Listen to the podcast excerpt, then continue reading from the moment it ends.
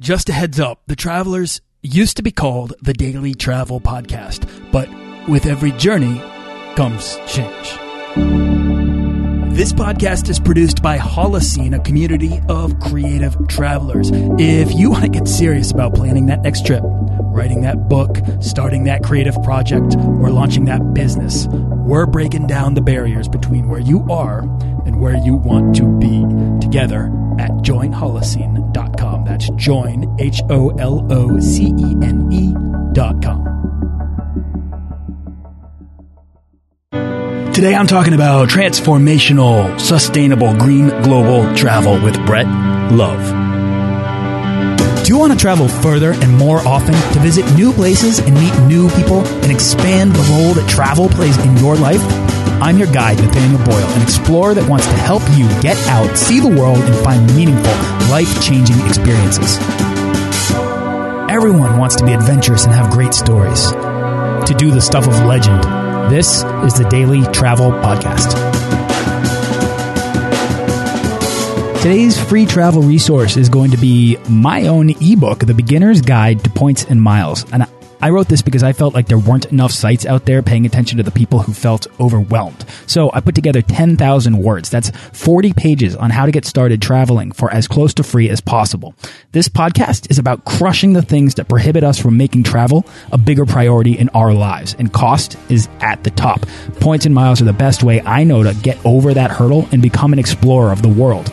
This book is yours completely free at dailytravelpodcast.com.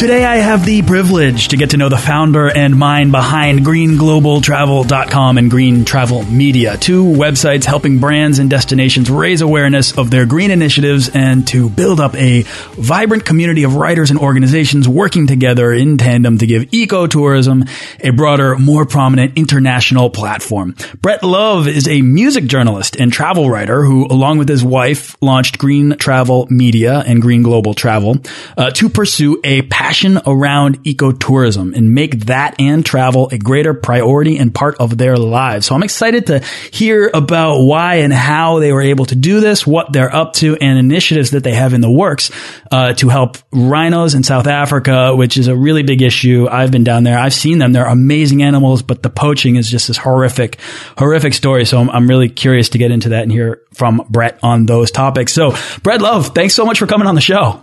Hey, thanks for having me, Nathaniel. Glad to uh, meet you and talk about all these things we got going on. Right on, man. You're a you're a busy guy. You've got a lot of irons in the fire. So we'll get into this. But you know, I shared a very little tiny bit about you. But I want you to introduce yourself, man. Take us back to where you're from and how you got started traveling. Well, okay, I'll I'll go back to the beginning because that's where it starts. I was a really passionate music guy in college and uh, was working towards a career in the music industry and sort of fell into writing about music uh, through circumstance. And basically, the first few years of my career, I kind of wrote about music for free just in exchange for free CDs and concert tickets. And eventually, I guess I was good enough that the paper that I was uh, writing for, which is called Insight Magazine, uh, asked me to come on full time as an editor. I started in, as a music editor and then eventually worked my way up to become national managing editor of a uh, 15 city networks of publications, which uh, has since dissolved. But um, when we had this big network, I, I t- you know, I'd always wanted wanted to travel. I'd had an interest in travel since I was a, a young boy when, uh, we won't tell the full story behind this, but basically I sang for Pope John Paul II in the Vatican at the age of 12. Uh, but that's for another time. So anyway, moving on, um, I had worked my way up in this organization and, and it got well known enough that I decided to sort of start traveling for the publication. And I did a couple of trips to, um, Costa Rica and Alaska. And then in 2000, I went on a trip that would sort of change my life and, and broaden my horizons and just open me up to a whole new world.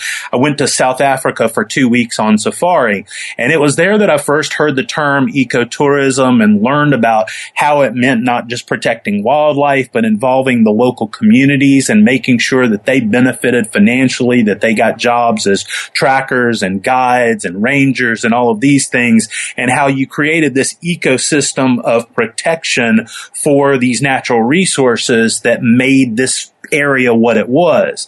And, you know, I just, I've, I, I remember we were out on a game drive the first day I was on safari and there was this elephant like 75 yards away from us that was feeding in the, in a tree. And, uh, our guide Solomon, who was a local guy, he stopped the, the, the safari vehicle, the Jeep. And, uh, we just watched him and the elephant sort of took notice of us and starts walking over towards us. He walks real slow, you know, and I keep looking at Solomon like, dude, he's getting a little close. Should we maybe move along? And he's like, no, no, it's fine. So the elephant just keeps coming closer and closer. And finally I put down my camera because he's so close that with my zoom lens, the only thing I can shoot is his eye. And he just lifts up his trunk on my side of the Jeep and he's just like sniffing the air. You could hear a pin drop. It was so silent. Wow. And then he just like stands there for like, I don't know, two minutes, three minutes, just checking us out.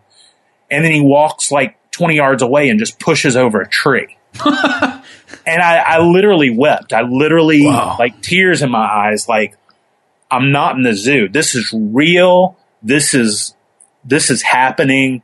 You know, we went on to have all these amazing things. You know, we saw 13 lions lying in the middle of the road like overgrown house cats. We saw a pack of wild dogs that are really endangered that had gotten out of the park and we helped a, a bunch of rangers, you know, get them back in the park so that they wouldn't get shot by the local farmers it was just this hugely transformative experience that made me realize how sacred and precious these things were. And, you know, that like they don't get protected unless somebody works to protect them. And ever since then, I wanted to do something about ecotourism.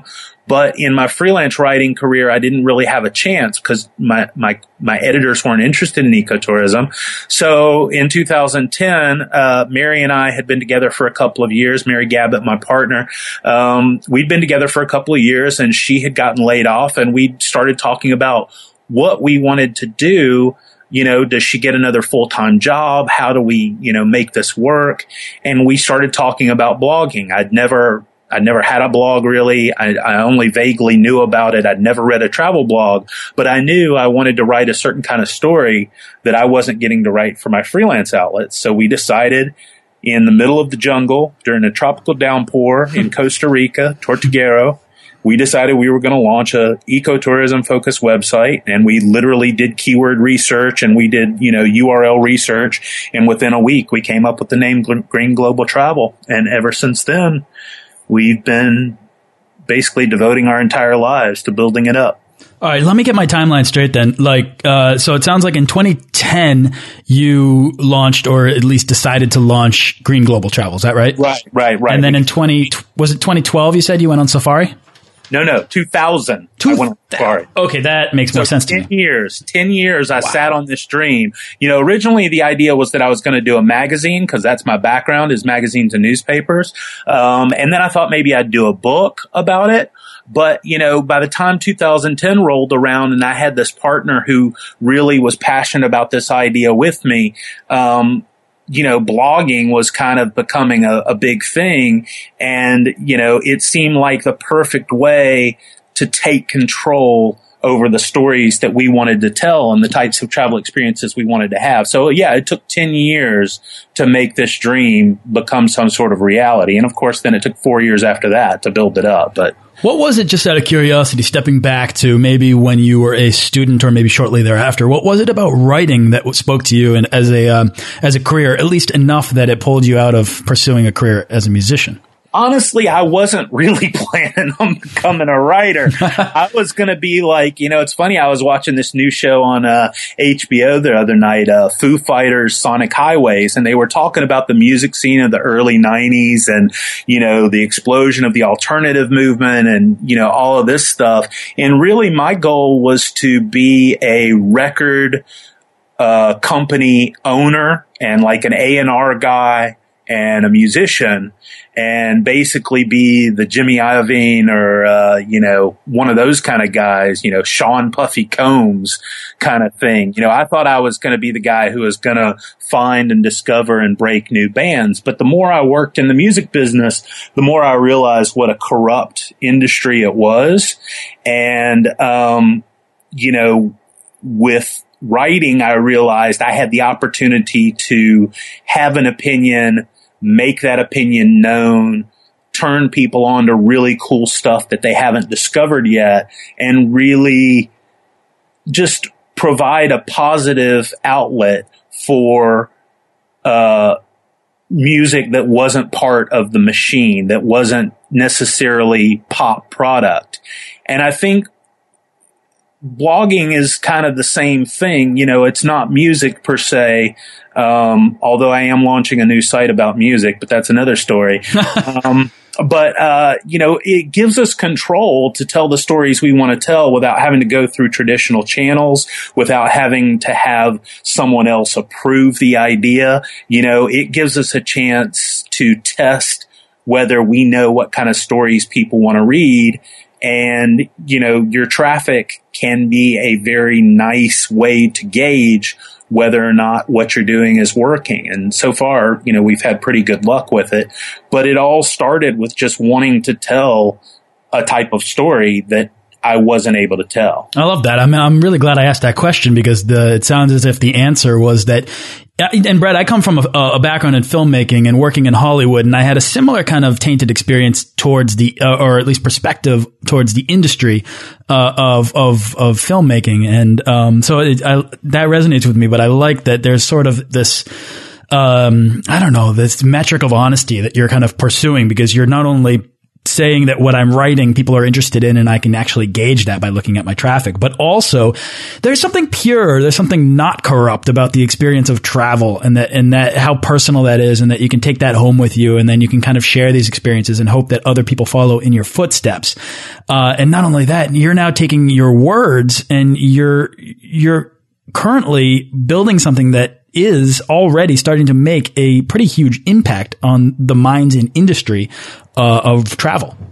Well, you know, that's the thing. I mean, it, it, started at the very beginning with music. And like you said, it went through the film industry and every other industry that I've operated in as a writer. You know, uh, as, as the world becomes more and more, um, globalized and, and, you know, the media corporations, you know, uh, merge, it seems to me that the, that the control over, uh, messaging and the control over access to media is getting tighter and tighter and tighter. Um, so for me, you know, and and the same thing with travel. I mean, you know, not only travel publications, but the, just the actual business of travel. You know, it's become such a commodified experience that you know, for me. Um, you know, I remember going to the Bahamas and going to uh, the Atlantis Resort, which everybody was saying was just the next big thing in travel, and just feeling like this is like pre-packaged crap. You know, just it's it was terrible. I had such a terrible time, and mm-hmm. I it drove me to want to seek out kind of what you were saying, the authenticity of, you know, non-packaged experiences. And now there are some bef- people will criticize me because I do occasionally do group tours that are packaged, but they're eco tours and they're in places like the Galapagos and the Amazon where you can't actually go up the river by yourself and, you know, experience the types of things that I experienced on group tours. But in general, the sort of commodification of travel and the commodification of culture, um, they're all connected to me in that there are very few small uh, companies that generally control a huge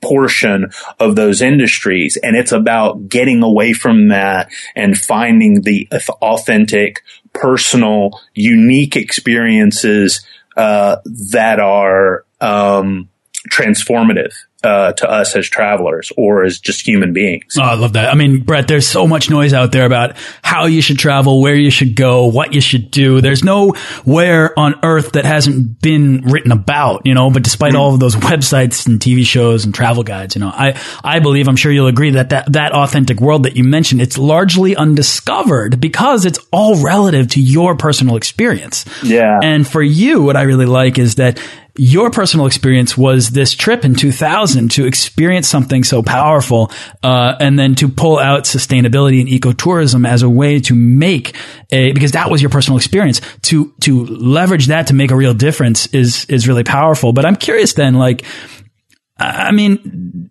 a lot of people have been on safari before, right? But why did it speak to you in the way that it did? What is it about you that being in such close proximity to this elephant uh, spoke to you and really kind of set you on this course to 10 years later finally launching Green Global Travel? You know, that's that's a difficult thing to put my finger on. I mean, you know, I grew up uh, I've been writing a lot about this lately, you know, and especially in light of uh, we just spoke at the TBEX conference in in Athens, which I think you were there for. I was there.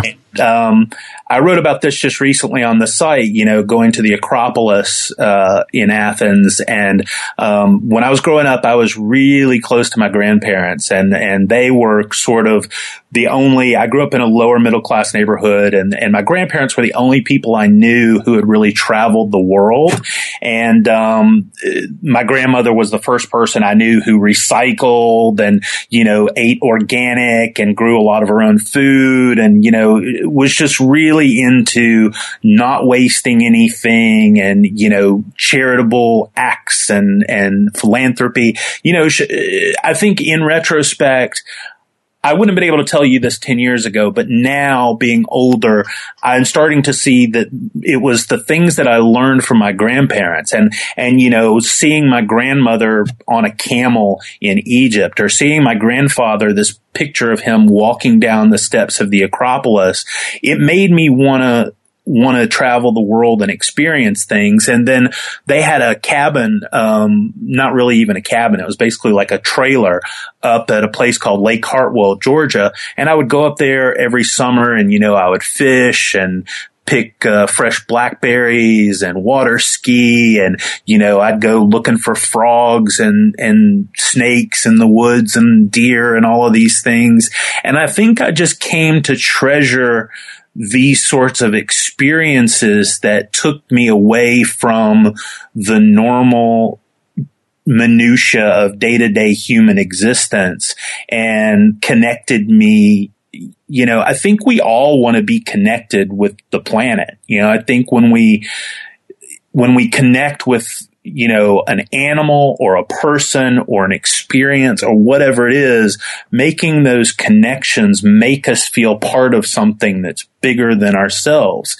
And I think so often nowadays, especially, you know, we're off in our own little worlds with our cell phones and our laptops and all of the technology and blah, blah, blah, that the ability to just turn that off and connect with whatever it may be that we're interacting with in a way that is unique and personal, it becomes such a powerful experience uh, because those moments are becoming increasingly rare. So for me, it became about seeking out those experiences, putting myself in myself intentionally into situations where I would be forced to have these experiences and hopefully connect, whether it be with uh, wildlife or people or culture. Um, you know, to me, it's all part of what makes life worth living, you know? I do know. I mean, for me, it, that's that's the adventure right there. I mean, for me, travel is all about imagination, and I love that you would reach back to your childhood to reference your most sacred experiences within the natural world and how you connect to those. I mean, it really is kind of it can be innate in a lot of us to uh, to want to reconnect and want to have that time. And what a wonderful thing it could be if, when we were paying for our travels, when we were paying for our vacations, if that was also an opportunity to give back in the same way buying a pair of like Tom's shoes is giving back when you just need to put shoes on your feet. Well, um, that's the thing I think a lot of people, you know, even friends of mine that, uh, you know, I talk to about this stuff a lot. A lot of people don't get that about ecotourism. They they hear the word ecotourism and they think it's just about protecting the environment. But to me, mm. eco and ecotourism the eco stands for ecology, but it also stands for economy. And there is no ecotourism ecotourism is not responsible unless the local communities benefit from the preservation of the ecosystem. If they don't benefit economically from it, it has no, no hope. And you see this, there have been places in Africa where they've tried to do these ecotourism initiatives and these big global companies have come in and started safari camps and tried to conserve the local wildlife. But the people are so poor and so desperate that they end up killing the wildlife because it's the only way to feed their families. I mean, poaching is about money. It's all about money. So the only way to ensure responsible ecotourism is to involve the local community economically in a way where it's more beneficial to them as a community to stop the poaching than it is to actually poach the animals. And that's a tough thing. But I, I firmly believe that ecotourism is a, it's almost like a wealth redistribution uh, yeah. industry. You know, yeah. it, that's really what it is. It's spending your money responsibly in a way that protects instead of exploits. That's all it is. Yeah, I mean, wealth redistribution or or distribution or, or whatever is kind of it's such a funny way of putting it, and I've had I've heard that a couple times on this show already. Um, but in, in in the same way, uh, it's like making a donation to a uh, a nonprofit or in in I mean overseas. I mean, it's it's just a way to give back to a community that sorely sorely needs it. It's just knowing when the opportunity to uh, to do good actually exists and not in, in, you know, and not that you're, you know, trying to cool off someone by putting ice on a hot street where it just melts away and, and within a day it's gone, you know? Um, Brett, I, I'm wondering then, when did you realize this? When did you personally come to conclusion or understanding of the power of what you're talking about? Because there's a long distance between having that moment on that, on that, that safari vehicle and what you're saying now, which is really concrete and eloquent. Um, you know, it took a lot of time. I mean, I think when I first started Green Global Travel, I wasn't even fully aware or understanding of it.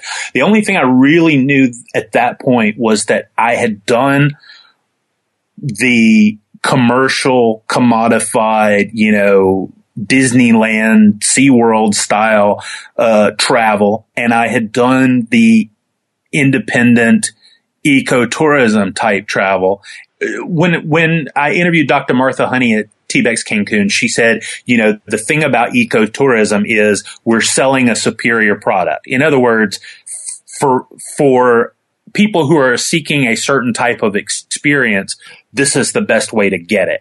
And so all I knew when I first started Green Global Travel oh, was that, that I loved this particular way of traveling. I'd done all different kinds of travel. This was the way I wanted to do it. I didn't understand it to the depth that I do now, but I knew that I wanted to.